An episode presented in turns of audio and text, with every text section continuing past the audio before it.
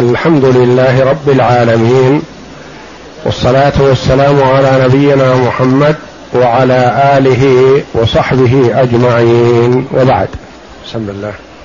بسم الله الرحمن الرحيم. الحمد لله رب العالمين والصلاة والسلام على أشرف الأنبياء والمرسلين نبينا محمد وعلى آله وصحبه أجمعين.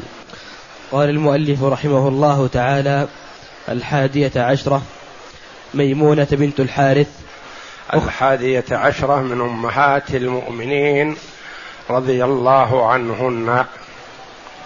آخرهن تزوجها النبي صلى الله عليه وسلم ميمونة بنت الحارث.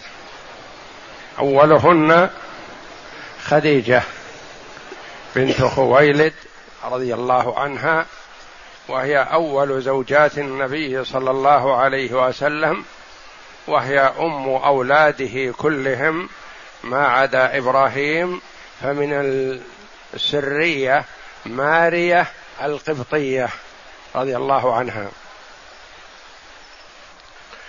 أولهن خديجة وما تزوج عليها حال حياتها.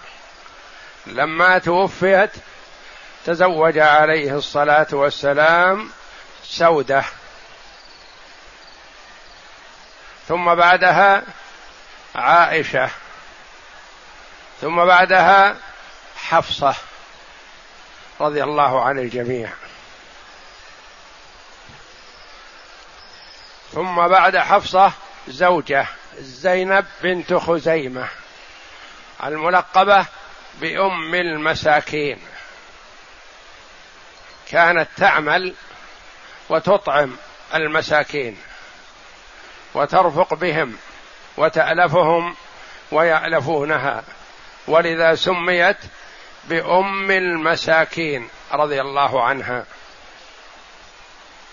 ثم بعدها أم سلمة رضي الله عنها. زوجة أبي سلمة توفي عنها رضي الله عنه فتزوجها النبي صلى الله عليه وسلم. السابعة زينب بنت جحش ابنة عمته صلى الله عليه وسلم. كانت عند زيد بن حارثة المدعو زيد بن محمد بالتبني.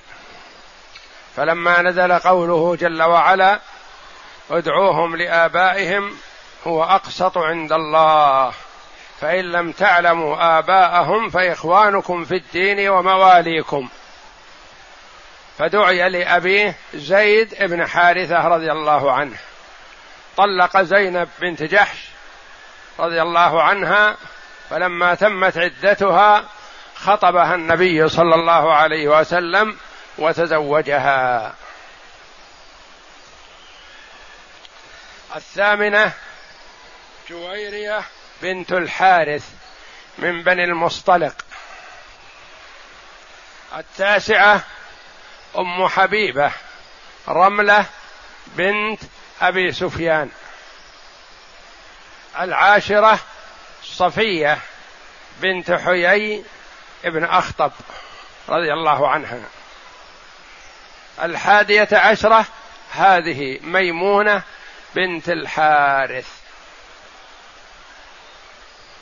إحدى عشر تزوجهن صلى الله عليه وسلم ودخل بهن ولم يكن منهن بكرا سوى عائشة رضي الله عنها وعن الجميع.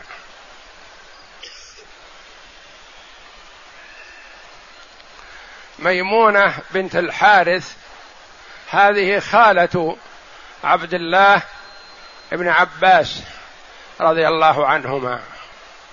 كانت عند أختها لبابة بنت الحارث التي هي زوجة العباس بن عبد المطلب رضي الله عنه. وهي خالة عبد الله بن عباس وخالة خالد ابن الوليد رضي الله عنه. لما تأيمت بقيت عند أختها عند العباس. فخطبها النبي صلى الله عليه وسلم من العباس فزوجها إياه. وهي آخر أمهات المؤمنين اللاتي دخل بهن صلى الله عليه وسلم.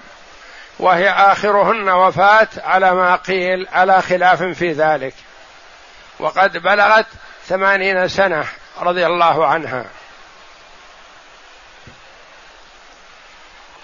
وقد تزوجها النبي صلى الله عليه وسلم بعد عمرة القضية عمرة القضاء في السنة السابعة من الهجرة. قال بعض العلماء رحمهم الله تزوجها وهو محرم. والجمهور على أنه تزوجها حلال. وحتى لو كان محرم فذلك من خصائصه صلى الله عليه وسلم.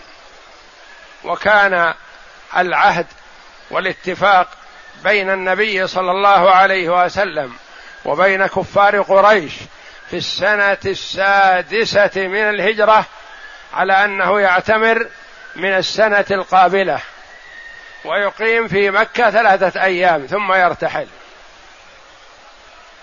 فجاء صلى الله عليه وسلم معتمرا في السنة السابعة ولما تمت الثلاثة الأيام أرسل كفار قريش إلى النبي صلى الله عليه وسلم العهد الذي بيننا وبينك؟ ارحل. فقال عليه الصلاة والسلام إن شئتم امهلتموني حتى أتزوج عندكم وأطعمكم الطعام. قالوا لا. فأبوا عليه وخرج صلى الله عليه وسلم من مكة وتزوج بميمونة هذه بنت الحارث بسرف موضع قريب من مكة. بنى بها ودخل عليها في ذلك المكان. وأدركتها الوفاة رضي الله عنها في ذلك المكان ودفنت فيه رضي الله عنها. دفنت في المكان الذي تزوجها فيه النبي صلى الله عليه وسلم. ويقال إنها رضي الله عنها أنها هي الواهبة. وامرأة مؤمنة إن وهبت نفسها للنبي يقال أنها هي الواهبة وهي التي حرصت على أن يتزوجها النبي صلى الله عليه وسلم وبذلت نفسها للنبي صلى الله عليه وسلم بدون مقابل رضي الله عنها. ويقال أنها ليست هي وإنما الواهبة غيرها. وجميع زوجاته هذه رضي الله عنهن كلهن بعدما تجاوز صلى الله عليه وسلم الخمسين. في حال شبابه وقوته عليه الصلاة والسلام ونشاطه كان على خديجة فقط. ثم بعد خديجة سودة فقط فترة طويلة حتى هاجر إلى المدينة. وهجرته صلى الله عليه وسلم إلى المدينة حينما تم له ثلاث وخمسون سنة رضي عليه الصلاة والسلام. تزوج بعد الهجرة بعائشة رضي الله عنها. ثم تتابعن أمهات المؤمنين وآخرهن هذه ميمونة بنت الحارث رضي الله عنها تزوجها في السنة السابعة من الهجرة في شهر ذي القعدة. نعم أقرأ. الحادية عشرة ميمونة بنت الحارث أخت أم الفضل لبابة بنت الحارث وتزوجها في ذي القعدة سنة سبع من الهجرة في عمرة القضاء بعد أن حل منها على الصحيح. بعد أن حل من العمرة على الصحيح. وقيل إنه تزوجها وهو محرم فيكون هذا من خصائصه صلى الله عليه وسلم.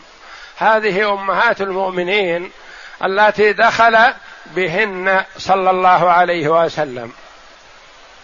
منهن اثنتان ماتتا في حياته عليه الصلاة والسلام. خديجة وزينب بنت خزيمة رضي الله عنهما ماتتا في حياة النبي صلى الله عليه وسلم. والباقيات بقين بعده صلى الله عليه وسلم. وحينما توفي صلى الله عليه وسلم كان في عصمته تسع نسوة يقسم لثمان عليه الصلاة والسلام. والتاسعة سودة رضي الله عنها لما شعرت أن النبي صلى الله عليه وسلم يريد طلاقها لكبر سنها وهبت يومها وليلتها لعائشة رضي الله عن الجميع رغبة في أن تبقى من زوجاته صلى الله عليه وسلم في الجنة. فأبقاها صلى الله عليه وسلم ورضي بما تنازلت به من يومها وليلتها لعائشة رضي الله عنها. وهذا تشريع للأمة. وإلا فهو صلى الله عليه وسلم ممكن أن تبقى في عصمته ولا يريد طلاقها لكنه هذا فتح باب وتنشيط وترغيب للأمة في استمرار الزوجية حتى مع كبر السن.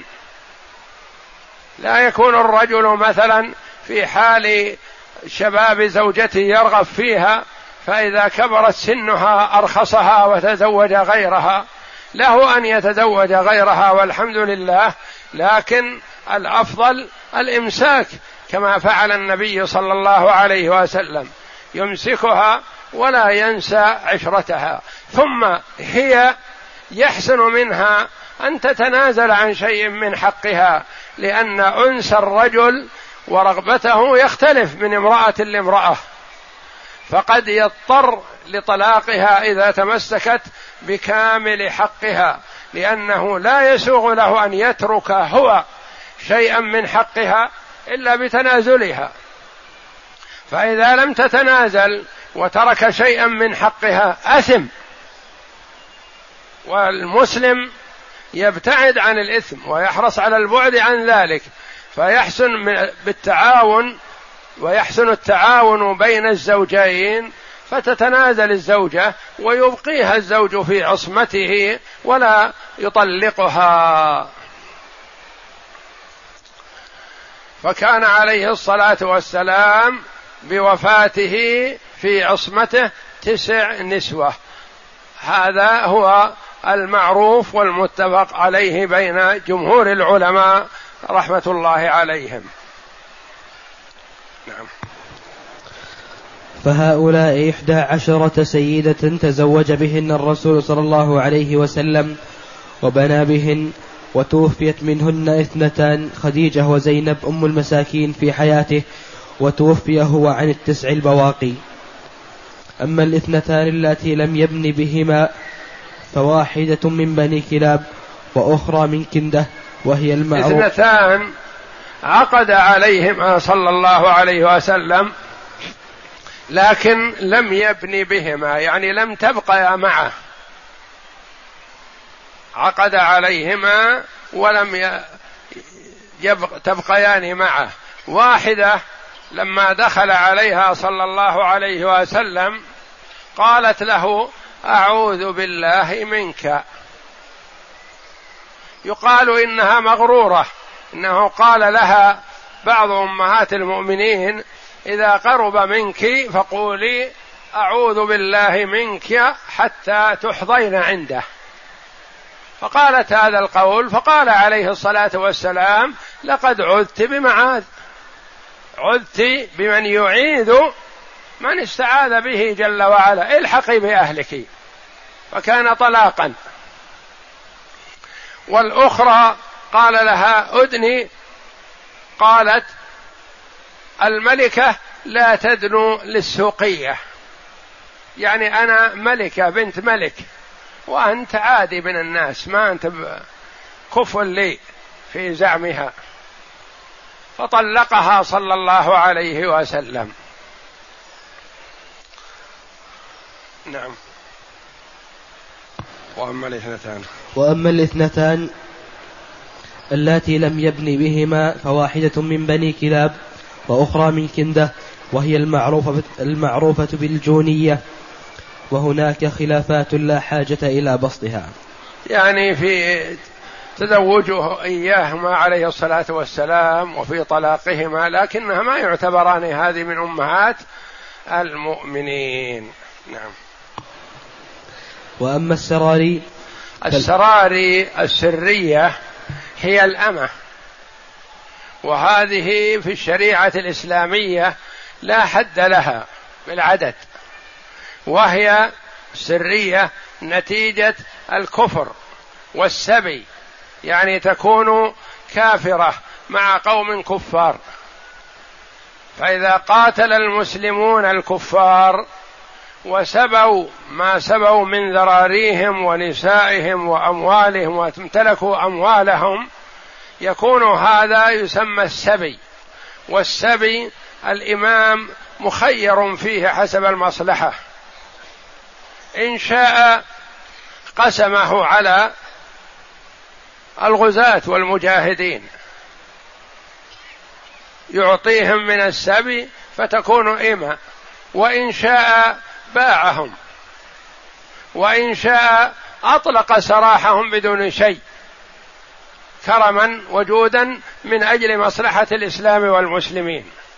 كما عرفنا أنه أطلق سراح عدد من النساء منهن أخت عدي بن حاتم الطائي. فكان إطلاق سراحها سببا لمجيء عدي وإسلامه رضي الله عنه. ثم أبلى في الإسلام بلاء حسنا رضي الله عنه وأرضاه. و والسرار إذا قسمهن القائد يكون بين الجيش بين الغانمين بين الغازين المجاهدين في سبيل الله.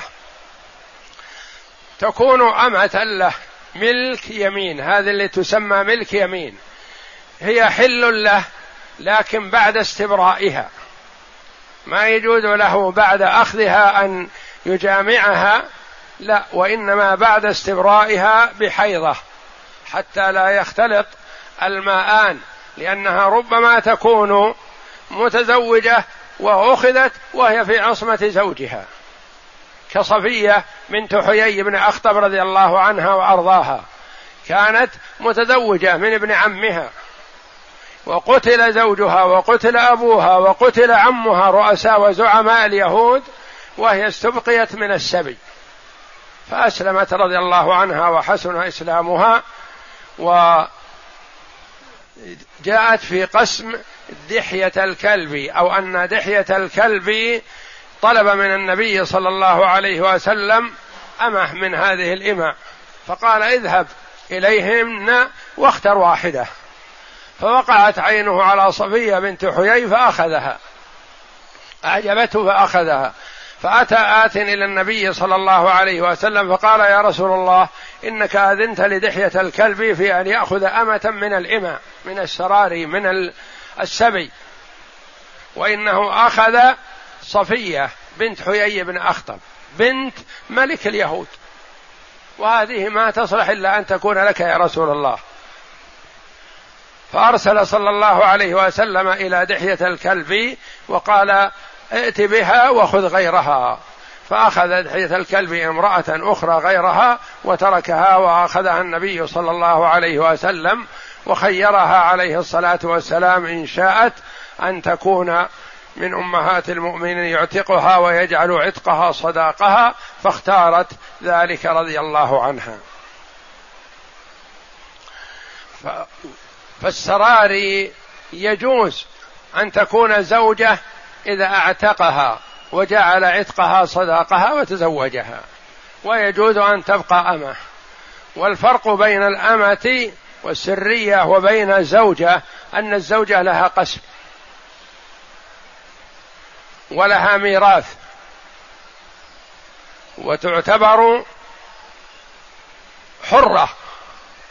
بخلاف السرية فهي أمة مملوكة ولا قسم لها وإنما يستمتع بها متى شاء. وإن شاء زوجها فإذا زوجها غيره تبقى خادمة له ومملوكة له لكن ما يقربها لأنه ما يجوز أن يستمتع بالمرأة غير رجل واحد. فكان عنده عليه الصلاة والسلام جاريتان فقط. وبإمكانه أن يتخذ ما شاء لأن الجواري ليس لهن عدد فيكون عند الرجل أربع خمس عشر عشرين وهكذا. لا حرج في هذا لأنهن في ملك اليمين. فمن أنجبت صارت أم ولد. لا تباع وإنما تبقى في ملك زوجها سيدها فإذا مات تحررت. ولا ترث ولا تعتد عدة الوفاة لأنها ليست زوجة وهكذا. وما دامت لم تلد فيجوز أن تباع. الأمة يستمتع منها زوج سيدها ما شاء ثم إذا أراد بيعها استبرأها ثم باعها ما دامت لم تنجب له. فإذا أنجبت له ولدا أو بنتا ذكرا أو أنثى ولو كان ميتا فإنها حينئذ تعتق نفسها يعتقها ولدها. نعم. وأما السراري. وأما السراري فالمعروف أنه تسرى باثنتين إحداهما مارية القبطية أهداها, أهداها له المقوقس فأولدها فأولدها ابنه إبراهيم. هذه مارية القبطية مصرية. لما ذهب كتاب النبي صلى الله عليه وسلم إلى المقوقس قرأه ورد ردا حسنا ولكن لم ينقل أنه أسلم أو لم يسلم. وأرسل إلى النبي صلى الله عليه وسلم هدية جاريتين وثياب وبغلة دليل القرب منه أنه قريب من النبي صلى الله عليه وسلم لكنه ما نقل إسلامه فالله أعلم بذلك. فأرسل هذه الجارية إلى النبي صلى الله عليه وسلم ومعها ثانية أختان جاريتان أرسلهما. فتسرى النبي صلى الله عليه وسلم بماريه وأنجبت له ابنه إبراهيم. وأعطى الأخرى عليه الصلاة والسلام حسان ابن ثابت رضي الله عنه.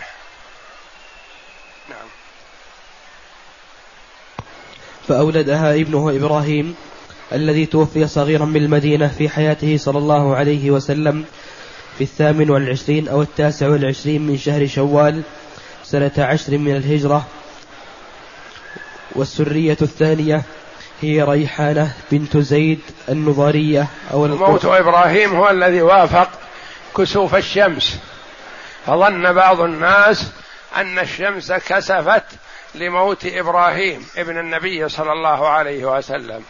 فخرج النبي صلى الله عليه وسلم إلى الناس يجر رداءه.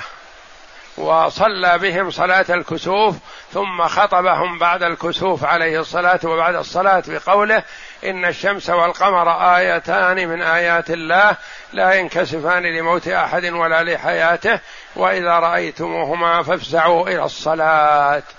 فأمر بصلاة الكسوف والخسوف عليه الصلاة والسلام وأخبر أن الشمس والقمر ما تنكسف لموت لحياه لموت شخص ولا لحياته وإنما هما آيتان من آيات الله يخوف الله جل وعلا بهما عباده. فإذا رأيتم ذلك فافزعوا إلى الصلاة. نعم.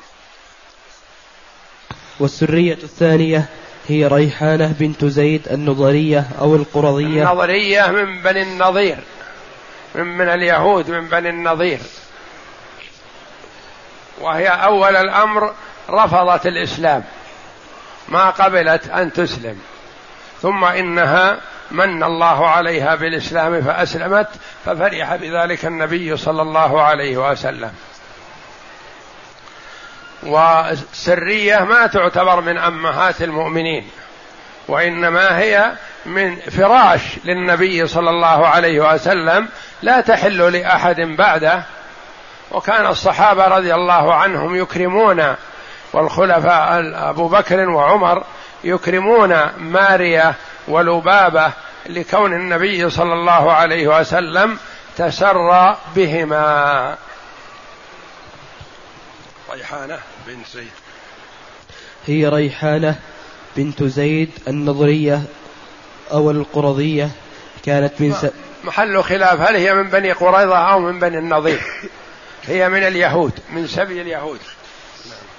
كانت من سبايا قريظة فاصطفاها لنفسه وقيل بل هي من أزواجه صلى الله عليه وسلم وأعتقها فتزوجها والقول وقيل إنه النبي صلى الله عليه وسلم عرض عليها قال إن شئت أعتقتك وتزوجتك يعني تكون من أمهات المؤمنين.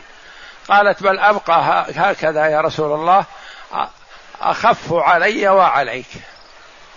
تقول كأنها تريد أنها ما تريد أن تكون زوجة للنبي صلى الله عليه وسلم تخشى ألا تؤدي حق النبي صلى الله عليه وسلم. وتخشى أن تشق على النبي صلى الله عليه وسلم في القسم لها.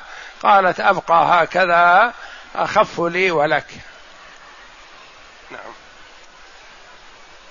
كانت من سبايا قريضة فاصطفاها لنفسه وقيل بل هي من أزواجه صلى الله عليه وسلم وأعتقها فتزوجها.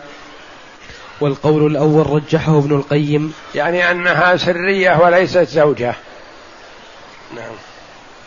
وزاد أبو عبيدة اثنتين أخريين جميلة أصابها في بعض في بعض السبي وجارية وهبتها له زينب بنت جحش.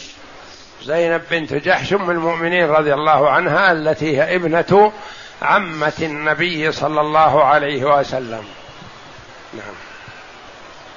ومن نظر إلى حياة الرسول صلى الله عليه وسلم عرف جيدا أن زواجه بهذا العدد الكثير من النساء يعني التأمل في زواجه صلى الله عليه وسلم بهذا العدد الكثير ليس القصد منه قصد عامة الناس في الزواج الاستمتاع أو طلب الذرية. أو نحو ذلك وإنما هو أعلى وأجل وأعظم من هذا كما سيأتي إن شاء الله. قال المؤلف رحمه الله تعالى في البيت النبوي ومن نظر إلى حياة الرسول صلى الله عليه وسلم عرف جيدا أن زواجه بهذا العدد الكثير من النساء في أواخر عمره بعد أن قضى ما يقارب ثلاثين عاما من ريعان شبابه وأجود أيامه مقتصرا على زوجة واحدة شبه عجوز خديجة ثم خديجة ثم سودة. عرف أن هذا الزواج لم يكن لأجل أنه وجد بغيته في نفس في نفسه قوة عارمة من الشبق لا يصبر معها إلا بمثل هذا العدد الكثير من النساء. بل كانت هناك أغراض أخرى أجل وأعظم من من الغرض الذي يحققه عامة الزواج. هذا الكلام من المؤلف رحمه الله تعالى فيه رد على من قال إن النبي صلى الله عليه وسلم أكثر من جمع الزوجات فإنه فيه شبق وشهوة وأراد أن يقضي وطره بهذا العدد الكثير من الزوجات.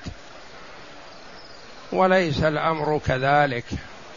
وإنما زواجه صلى الله عليه وسلم فوق ما يكون زواج الآخرين لأغراض وأمور سامية لا تتحقق إلا بهذا القدر من النساء وذلك أنه عليه الصلاة والسلام ما كان ذلك أو جمع النساء عنده في أول عمره وفي أول زواجه بل كما ذكر رحمه الله اقتصر على زوجة واحدة خلال ثلاثين سنة من عمره بعد الزواج عليه الصلاة والسلام. فهو عليه الصلاة والسلام تزوج خديجة رضي الله عنها وعمره خمس وعشرون سنة على الصحيح. وعمرها أربعون سنة على الصحيح. واقتصر عليها حتى توفاها الله جل وعلا ورضي الله عنها. ما تزوج غيرها. وبعد وفاتها تزوج بسودة امرأة قريبة منها من السن امرأة كبيرة تزوج بها. ثم بعد فترة تزوج بعائشة ثم لما استقر في المدينة عليه الصلاة والسلام تزوج بأمهات المؤمنين الأخريات.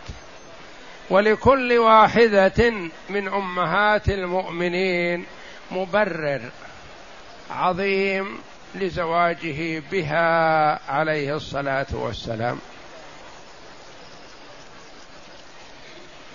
فهو ما جمع الشباب في سن العشرين والثلاثين والأربعين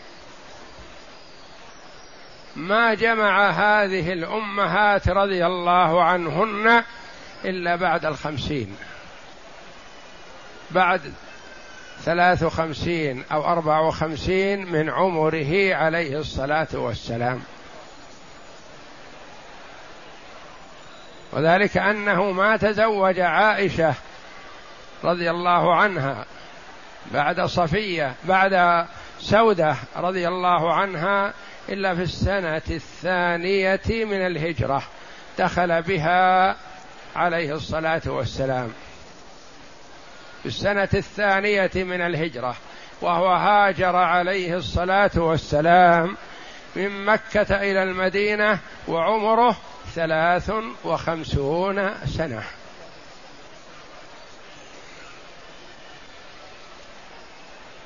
وزواجه بأمهات المؤمنين رضي الله عنهن لكل واحدة منهن سبب غير سبب الأخرى.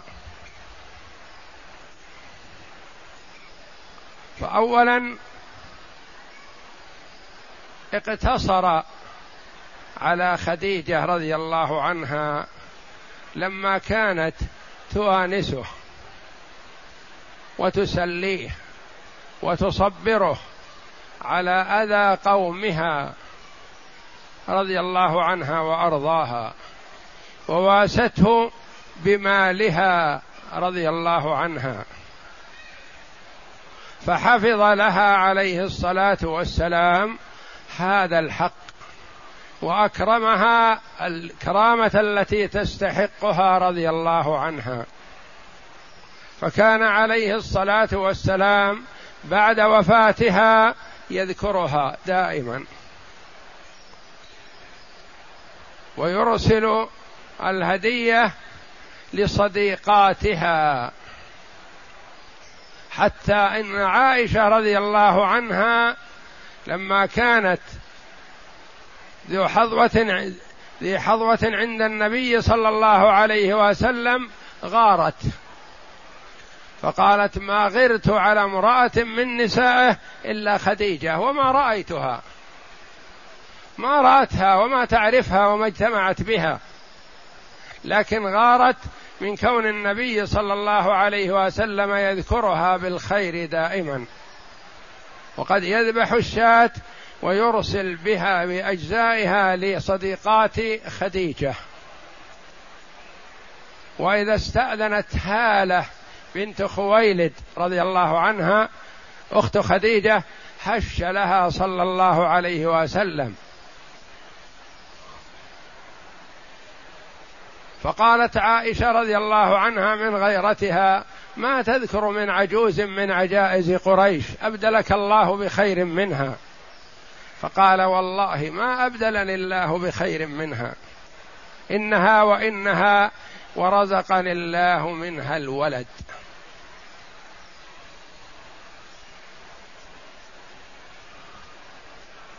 ثم لما توفيت وكان له نظر في عائشة وهي صغيرة كرامة لأبي بكر الصديق رضي الله عنه.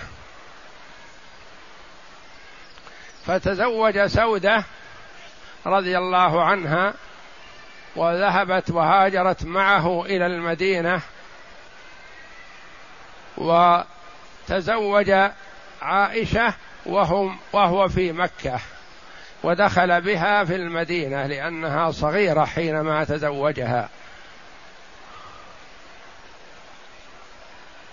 ثم بعد عائشة رضي الله عنها تزوج حفصة بنت عمر بن الخطاب رضي الله عنه الذي أبلى في الإسلام بلاء حسنا رضي الله عنه. ووقف مع النبي صلى الله عليه وسلم في مواقف الشدة والكرب. فأكرمه النبي صلى الله عليه وسلم بأن تزوج ابنته التي كان عمر يعرضها على عثمان ويعرضها على أبي بكر. ما تجرأ رضي الله عنه من تواضعه أن يعرضها على النبي صلى الله عليه وسلم. فيعرض عنه عثمان ويعرض عنه أبو بكر لما سمعوا أن النبي صلى الله عليه وسلم يذكرها. فتزوجها عليه الصلاة والسلام ويقال إنه طلقها لما تمالأت هي وبعض نسائه عليه عليه الصلاة والسلام في كلام ما. ثم أمره جبريل عليه الصلاة والسلام أن يراجعها لأنها صوامة قوامة رضي الله عنها وأرضاها. وجبرا لخاطر عمر رضي الله عنه لأنه تأثر تأثرا بالغا لما سمع أن رسول الله صلى الله عليه وسلم طلق حفصة. فراجعها عليه الصلاة والسلام. وهكذا بقيه أمهات المؤمنين واحدة تلو الأخرى تزوجها. أم سلمة رضي الله عنها تزوجها. كانت تركت أهلها وذويها وهاجرت مع زوجها أبي سلمة رضي الله عنه إلى الحبشة. وبقيت وإياه هناك وقت. ثم عادوا إلى مكة. فهاجر زوجها من مكة إلى المدينة للنبي صلى الله عليه وسلم. ومنعها أهلها من الهجرة مع زوجها. ثم عدا عليها أهل زوجها وأخذوا ولدها. وقالوا ما دمت لم تذهبي مع زوجك فولدك لنا وليس لأهلك. فأخذوه. ففرقوا بينها وبين زوجها وبين ولدها رضي الله عنها وصبرت وثبتت على الإسلام والإيمان رضي الله عنها وأرضاها. والله جل وعلا يمتحن عباده بالسراء والضراء. وكما قال عليه الصلاة والسلام أشد الناس بلاء الأنبياء ثم الأمثل فالأمثل. كلما كان المرء في دينه صلابة وقوة زيد عليه في البلاء لينال الدرجة العالية عند الله جل وعلا. والبلاء أنواع. قد يبتلى المرء بماله يبتلى المرء بولده يبتلى المرء بزوجه يبتلى المرء بقرابته يبتلى المرء بتسلط الأعداء عليه يبتلى المرء بامور أخرى يتضايق منها فيصبر ويحتسب الأجر عند الله جل وعلا فيضاعف الله جل وعلا له الأجر كما قال تعالى إنما يوفى الصابرون أجرهم بغير حساب. اشتد البلاء على أم سلمة رضي الله عنها صابرة محتسبة. ثم هاجرت. أذن رق لها أهلها فأذنوا لها في الذهاب إلى زوجها. وأعطاها أهل زوجها الولد فأخذته وهاجرت إلى النبي صلى الله عليه وسلم وإلى زوجها. أبي سلمة. فاستقرت معه. ثم بعد ذلك لحق رضي الله عنه بربه تبارك وتعالى. توفي زوجها فبقيت. لا معارف لها في المدينة وربع وجماعتها وصحبها من ألد أعداء النبي صلى الله عليه وسلم. على رأسهم أبو جهل قبحه الله فهي من جماعته. ومن قرابته. ومنهم خالد بن الوليد رضي الله عنه وكان في ذلك الوقت من أشد أعداء النبي صلى الله عليه وسلم. ومنهم عكرمة ابن أبي جهل وكان في ذلك الوقت من ألد أعداء النبي صلى الله عليه وسلم. فهداه الله للإسلام. فبقيت وحيدة في المدينة لا زوج ولا قرابة ومعها أيتام أبناء لزوجها ولدتهم في الحبشة رضي الله عنها. فسارع الصحابة رضي الله عنهم لجبر خاطرها. خطبها أبو بكر. احتسابا وتقربا إلى الله جل وعلا فاعتذرت لحكمة يريدها الله. فخطبها عمر فاعتذرت فغضب عليها عمر. كيف ترفض أبا بكر وترفضه؟ من تريد؟ فخطبها النبي صلى الله عليه وسلم فاعتذرت.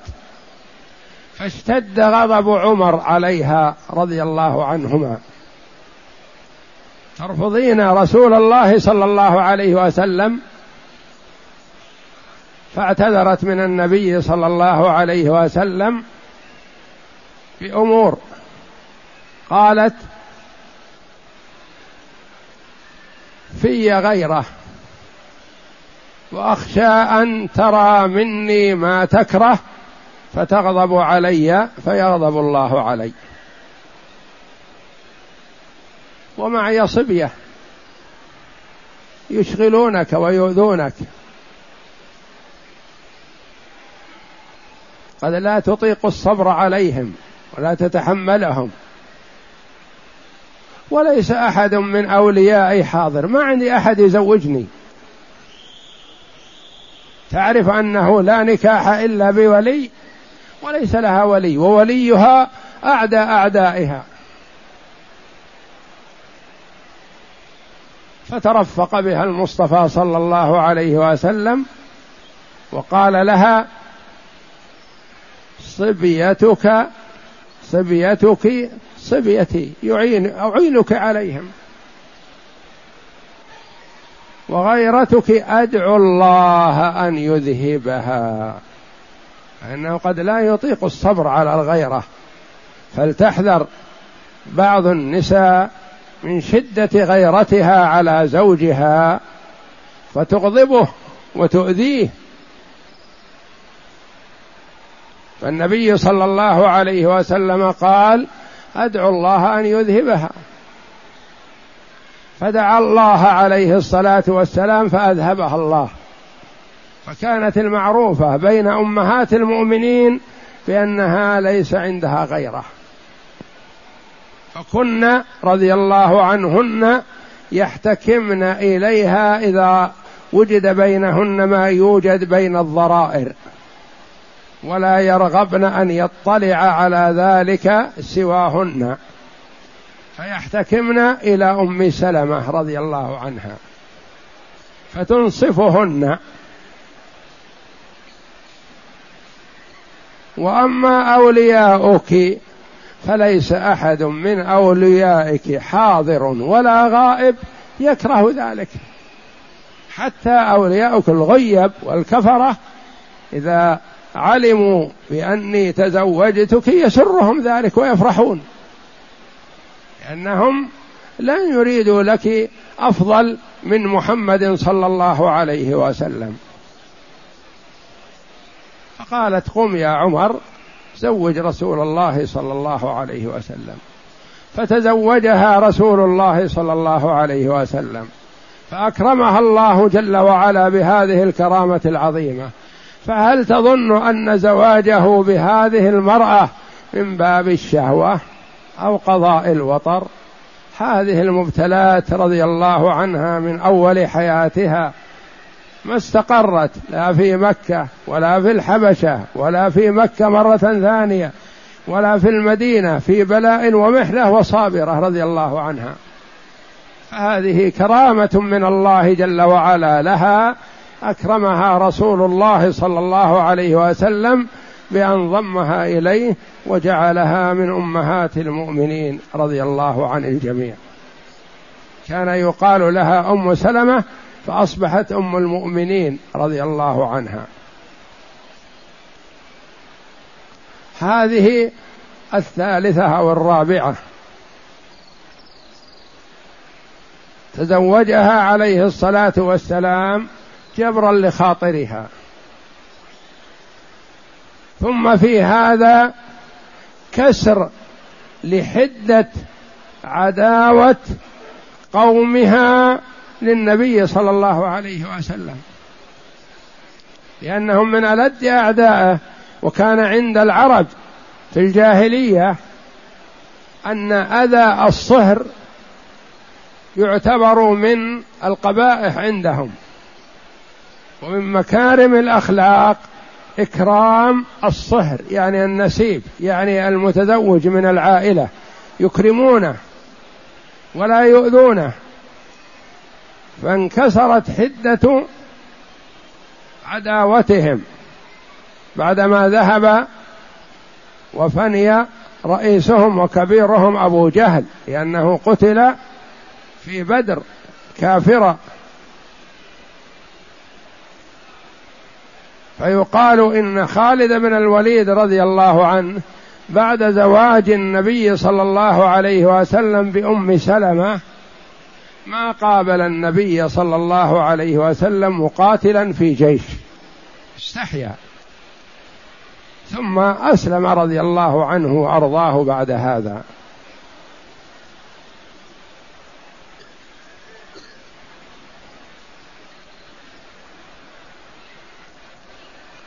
فكان من عادة العرب إكرام الصهر وعدم التسلط عليه بأذى.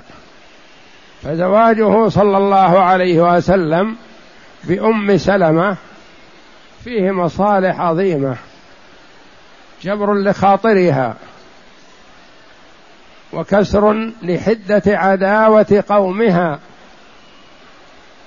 ولما اتصفت به من الصبر والاحتساب ولما عرف عنها من حسن الرأي والتدبير والمشورة أشارت على النبي صلى الله عليه وسلم برأي أخذ به فكان به خير كثير. كانت معه رضي الله عنها في صلح الحديبية في عمرة الحديبية.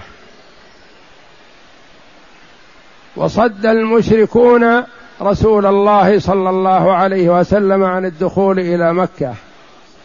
فعسكر وبقي في الحديبية. عليه الصلاة والسلام. محصور ممنوع من الدخول إلى مكة وهو محرم. ومعه ألف وأربعمائة أو خمسمائة من الصحابة رضي الله عنهم. كلهم محرمون. يريدون قضاء العمرة. فصدهم المشركون وصبر صلى الله عليه وسلم وانتظر وحاول الصلح معهم في أن يعتمر هذه السنة فصمموا على الرفض وأبوا أن يدخل النبي صلى الله عليه وسلم مكة عنوة بدون موافقتهم حتى إن بعض الصحابة رضي الله عنهم حرصوا على الدخول مهما يكن الثمن. قالوا ولو فنينا جميعا. نقاتلهم فإن نصر الله عليهم فذلك الذي نريد وهو أحب إلينا وإن كانت الأخرى فلنا الشهادة والجنة عند الله جل وعلا. وألحوا على النبي صلى الله عليه وسلم بأن يدخلوا عليهم رغم أنوفهم. فاختار الله جل وعلا لرسوله صلى الله عليه وسلم بأن لا يدخلوا عليهم رغم أنوفهم وأن يقبلوا الصلح. فقبل صلى الله عليه وسلم الصلح وأبرم الصلح بعدما تردد عليه عدد من السفراء من كفار قريش كل سفير يأتي ولا ينجح في الاتفاق مع النبي صلى الله عليه وسلم. حتى جاء سهيل بن عمرو رضي الله عنه لأنه أسلم بعد هذا وحسن إسلامه. فلما أقبل قال للنبي صلى الله عليه وسلم جاء سهيل بن عمرو. يعني رسول من قبل كفار قريش قال سهل أمركم. تفاءل عليه الصلاة والسلام وكان يعجبه الفعل ويكره الطيرة عليه الصلاة والسلام. تفاءل باسمه سهيل. سهل أمركم. وكان ذا رأي وبصيرة رضي الله عنه. وله مواقف مشرفة بعد إسلامه رضي الله عنه وأرضاه. فتم الصلح بين النبي صلى الله عليه وسلم وكفار قريش ينوب عنهم سهيل بن عمرو على أن يرجع النبي صلى الله عليه وسلم في هذه العمرة إلى المدينة بدون عمرة. وأن يعود معتمرا في السنة القادمة بعد سنة. هذا الصلح في السنة السادسة والعودة للعمرة بدلها في السنة السابعة. وتم الاتفاق بعد أن تراجع بعض الصحابة وحاولوا أن لا يتم هذا الصلح. وبذلوا جهدهم بعضهم ومنهم عمر رضي الله عنه لأنه يرى أن فيه غضاضة على المسلمين فحاول أن لا يتم لكنه تم لما أراده الله جل وعلا لأمة محمد صلى الله عليه وسلم من الخير. فأمر النبي صلى الله عليه وسلم الصحابة بأن ينحروا هديهم ويتحللوا ويحلقوا رؤوسهم ويتحللوا. فالصحابة رضي الله عنهم ينتظرون لعل يأتي فرج من السماء. لعل الله أن يأذن لنا في الدخول إلى مكة. ولا نبالي بكفار قريش. فأمرهم عليه الصلاة والسلام أن يتحللوا.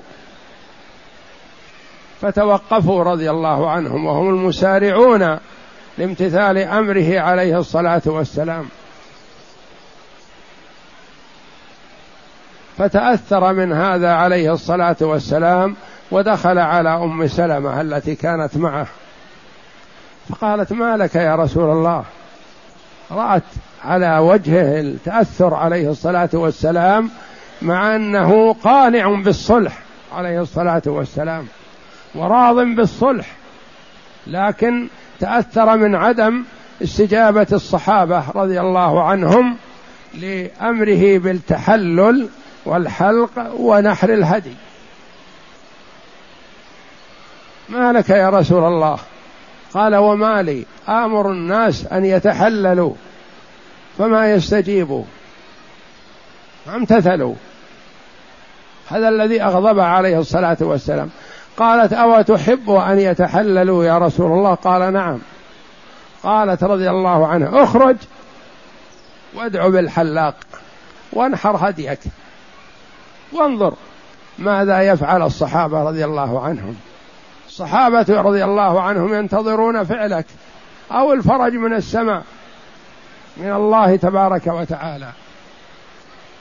فكان في رأيها هذا رضي الله عنها تطيب لخاطر النبي صلى الله عليه وسلم وحل للقضية ومسارعة بامتثال الصحابة لأمر النبي صلى الله عليه وسلم. فخرج عليه الصلاة والسلام ودعا بالحلاق. لما رأوا النبي حلق سارعوا حتى كاد يقتل بعضهم بعضا. من المسارعة كل واحد يقول أنا الأول. رضي الله عنهم وأرضاهم. فكانت رضي الله عنها ذات رأي مسدد موفقة.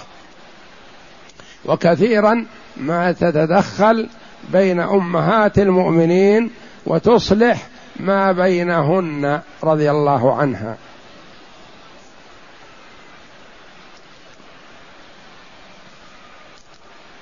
وهكذا بقية أمهات المؤمنين سيأتي الكلام عليهن في زواجه بهن لأهداف سامية لمقاصد عظيمة لا لغرض غرض النكاح وإن كان النكاح هدف سامي ومرغوب فيه ومأمور به شرعا عند عامة الناس لكن زواجه صلى الله عليه وسلم بهذا العدد أعلى وأجل كما سيأتي التفصيل عند كل واحدة من أمهات المؤمنين رضي الله عنهن. فاتجه الرسول صلى الله عليه وسلم إلى مصاهرة أبي بكر وعمر بزواجه بعائشة وحفصة وكذلك تزويجه ابنته فاطمة بعلي بن أبي طالب وتزويج ابنته رقية وأم كلثوم بعثمان بن عفان رضي الله عنهما. نعم. هؤلاء الأربعة رضي الله عنهم وأرضاهم لهم قدم صدق ووقوف مع النبي صلى الله عليه وسلم فكافاهم عليه الصلاة والسلام بالمصاهرة. وهذا أغلى ما يكون عندهم. أن تكون عائشة بنت أبي بكر رضي الله عنهما عند النبي صلى الله عليه وسلم. وتكون حفصة بنت عمر رضي الله عنهما عند النبي صلى الله عليه وسلم. أغلى ما يتمنى عمر أن يتزوج حفصة النبي صلى الله عليه وسلم. فكافاه بذلك. ثم إن علي رضي الله عنه أول من أسلم من الصبيان ومواقفه مع النبي صلى الله عليه وسلم عظيمة. وعرض نفسه رضي الله عنه للخطر العظيم شبه المحقق ليلة الهجرة. شبان قريش يترصدون للنبي صلى الله عليه وسلم معهم السيوف المصلتة. ليقطعوا النبي صلى الله عليه وسلم قطعة قطعة وليكن ما يكن. إذا تبين ينظرون إليه في فراشه. وعلي رضي الله عنه ينام في الفراش. ويعرض نفسه لهذا الخطر العظيم ثقة بالله وإيمانا به وإيمانا برسوله صلى الله عليه وسلم. من يفعل هذا؟ يقول يقطعونني ولا يقطعون النبي صلى الله عليه وسلم. يقتلونني ولا يقتلون النبي صلى الله عليه وسلم. وخالف أباه رضي الله عنه. خالف علي رضي الله عنه والده. والده أبو طالب. أبى أن يسلم. وعلي رضي الله عنه بادر بالإسلام رضي الله عنه. فكافأه النبي صلى الله عليه وسلم بأن زوجه بابنته فاطمة رضي الله عنها التي هي أصغر بنات النبي عليه وسلم. وهي التي بقيت بعد وفاته رضي الله عنها. وإلا بنات وأولاد النبي صلى الله عليه وسلم كلهم سلفوا قبله. فزوجه النبي صلى الله عليه وسلم بفاطمة كفء لها وابن عمها. وعثمان رضي الله عنه ذا المواقف المشرفة ومجهز جيش العسره ومشتري بئر روما بحر ماله والباذل نفسه وماله لله ولرسوله رضي الله عنه. كافأه النبي صلى الله عليه وسلم بأن زوجه بابنته رقية. وأنجبت له عبد الله وهو يكنى بأبي عبد الله عثمان. عبد الله هذا جده النبي صلى الله عليه وسلم لكنه مات صغيرا. فتوفيت رقية رضي الله عنها في حياة النبي صلى الله عليه وسلم وتخلف عثمان رضي الله عنه عن غزوة بدر لأنه كان يمرض ابنته ابنة النبي صلى الله عليه وسلم زوجته. فجاء البشير بالنصر في بدر فإذا هم يسوون التراب على رقية بنت النبي صلى الله عليه وسلم. فعوضه النبي صلى الله عليه وسلم بابنته الأخرى أم كلثوم رضي الله عنها. فبقيت مع عثمان رضي الله عنه زمنا ثم توفيت في حياة النبي صلى الله عليه وسلم. فأثنى النبي صلى الله عليه وسلم على مصاهرة عثمان وقال لو كان عندنا ثالثة لزوجناكها. ولذا يلقب عثمان رضي الله عنه بذي النورين. لأنه يقال ما تزوج رجل من الناس بنتي نبي سوى عثمان رضي الله عنه. تزوج رقية أولا وتوفيت في عصمته ثم تزوج بعدها أم كلثوم وتوفيت في عصمته كلهن في حياة النبي صلى الله عليه وسلم. وكان رضي الله عنه له مواقف عظيمة عثمان رضي الله عنه. وقف مع النبي صلى الله عليه وسلم في مكة وهو من المسارعين إلى الإسلام. وكان عليه رضي الله عنه إذا اشتدت بالنبي صلى الله عليه وسلم الحاجة يبذل المال العظيم لنصرة رسول الله صلى الله عليه وسلم. ولما جاء بالنفقة في سبيل الله النفقة العظيمة تهلهل وجه النبي صلى الله عليه وسلم وقال ما ضر عثمان ما فعل بعد اليوم. يعني هذه تكفر عنه السابق واللاحق ما يضره شيء بعد هذا البذل في سبيل الله. ولما كان أهل المدينة في حاجة إلى بئر ماؤها حلو للشرب وكان الماء قليل وكان الناس يشترون من صاحب بئر روما الدلو بكذا يبيع عليهم الدلو بكذا فاشتدت حاجة الناس إلى هذه البئر فعرض النبي صلى الله عليه وسلم على صاحبها أن يبذلها في سبيل الله ويعطيه الله جل وعلا بدلها عينا في الجنة. يقال أنه اعتذر صاحبها فسمع عثمان رضي الله عنه بذلك فجاء فذهب إلى صاحب البئر واشتراها رضي الله عنه. ثم جاء إلى النبي صلى الله عليه وسلم فقال يا رسول الله أتعطيني ما أعطيت صاحب بئر رومه بها؟ قال نعم. عليه الصلاة والسلام فقال هي لله ولرسوله. وكان دلوه رضي الله عنه كأي دلو من دلاء المسلمين اشتراها بحر ماله بمال عظيم لأنها تعلقت بها مصالح المسلمين وحرص عليها كل من يستطيع فما طال قيمتها وتمكن منها إلا عثمان رضي الله عنه. مسارعة وذهب واشتراها من صاحبها بمال عظيم أكثر من قيمتها مضاعفة لأجل أن ينال هذه الوعدة من النبي صلى الله عليه وسلم. له بها عين في الجنة.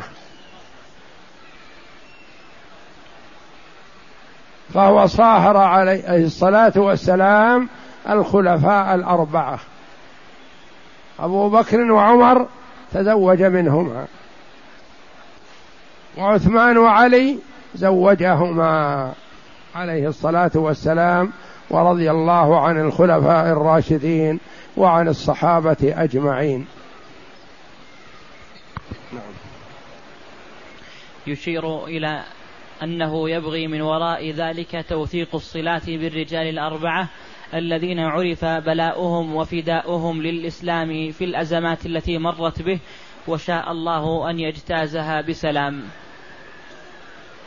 وكان من تقاليد العرب الاحترام للمصاهرة فقد كان الصهر عندهم بابا من أبواب التقرب بين يعني إذا أراد المرء أن يتقرب إلى قبيلة يحاول أن يتزوج منهم. إذا كانوا مثلا بينه وبينهم شحنة أو عداوة حاولوا العرب أن يتزوج من هؤلاء حتى يكسر حدة العداوة والكراهية فيما بينهم. وكانوا يرون مناوءة ومحاربة الأصهار سبة وعارا على أنفسهم فأراد رسول الله صلى الله عليه وسلم بزواجه عدة من, من أمهات المؤمنين أن يكسر سورة سؤرة عداء القبائل للإسلام. يعني مثل أم سلمة رضي الله عنها ومثل أم حبيبة بنت أبي سفيان ألد أعداء النبي صلى الله عليه وسلم أبو سفيان في وقته. ويتزوج النبي صلى الله عليه وسلم ابنته فيستحي أبو سفيان من محاربة النبي صلى الله عليه وسلم وهو زوج ابنته ثم إن الله جل وعلا هدى أبا سفيان إلى الإسلام فأسلم رضي الله عنه وحسن إسلامه نعم. كانت أم سلمة من بني مخزوم حي أبي جهل وخالد بن الوليد فلما تزوجها رسول الله صلى الله عليه وسلم لم يقف خالد من المسلمين موقفه الشديد بأحد بل أسلم بعد يعني موقفه الشديد بأحد. وكان النصر والغلبة في أول الأمر للمسلمين رضي الله عنهم. ثم إن بعض المسلمين أخلف أمر النبي صلى الله عليه وسلم عن اجتهاد منهم فالتف خالد بجيش الكفار وحصل استئناف المعركة مرة أخرى فاستشهد عدد من المسلمين وجرح عدد منهم وممن جرح النبي صلى الله عليه وسلم. وكان هذا بقيادة خالد بن الوليد هو الذي انتبه لهذا. فجاء من الثغرة التي ممكن أن يدخل فيها منها على المسلمين. فتغيرت المعركة تغيرا جذريا عن أول لأنهم كانوا هاربين ذاهبين إلى مكة. فلما خلى المكان الذي فيه الحراسة واطلع عليه خالد لف بالجيش ودخل من الثغرة وصارت الغلبة بعد هذا للمشركين تأديبا من الله جل وعلا. للمؤمنين واشعارا لهم بأن عليهم امتثال أمر رسول الله صلى الله عليه وسلم في كل صغيرة وكبيرة. نعم. بل أسلم بعد مدة غير طويلة طائعا راغبا. وكذلك أبو سفيان لم يواجه. افعل هذا. أبو سفيان رضي الله عنه تألفه النبي صلى الله عليه وسلم بزواجه بابنته أم حبيبة مع ما أصابها هي رضي الله عنها من المحنة والشدة. سيأتي الكلام عليها في الدرس القادم إن شاء الله.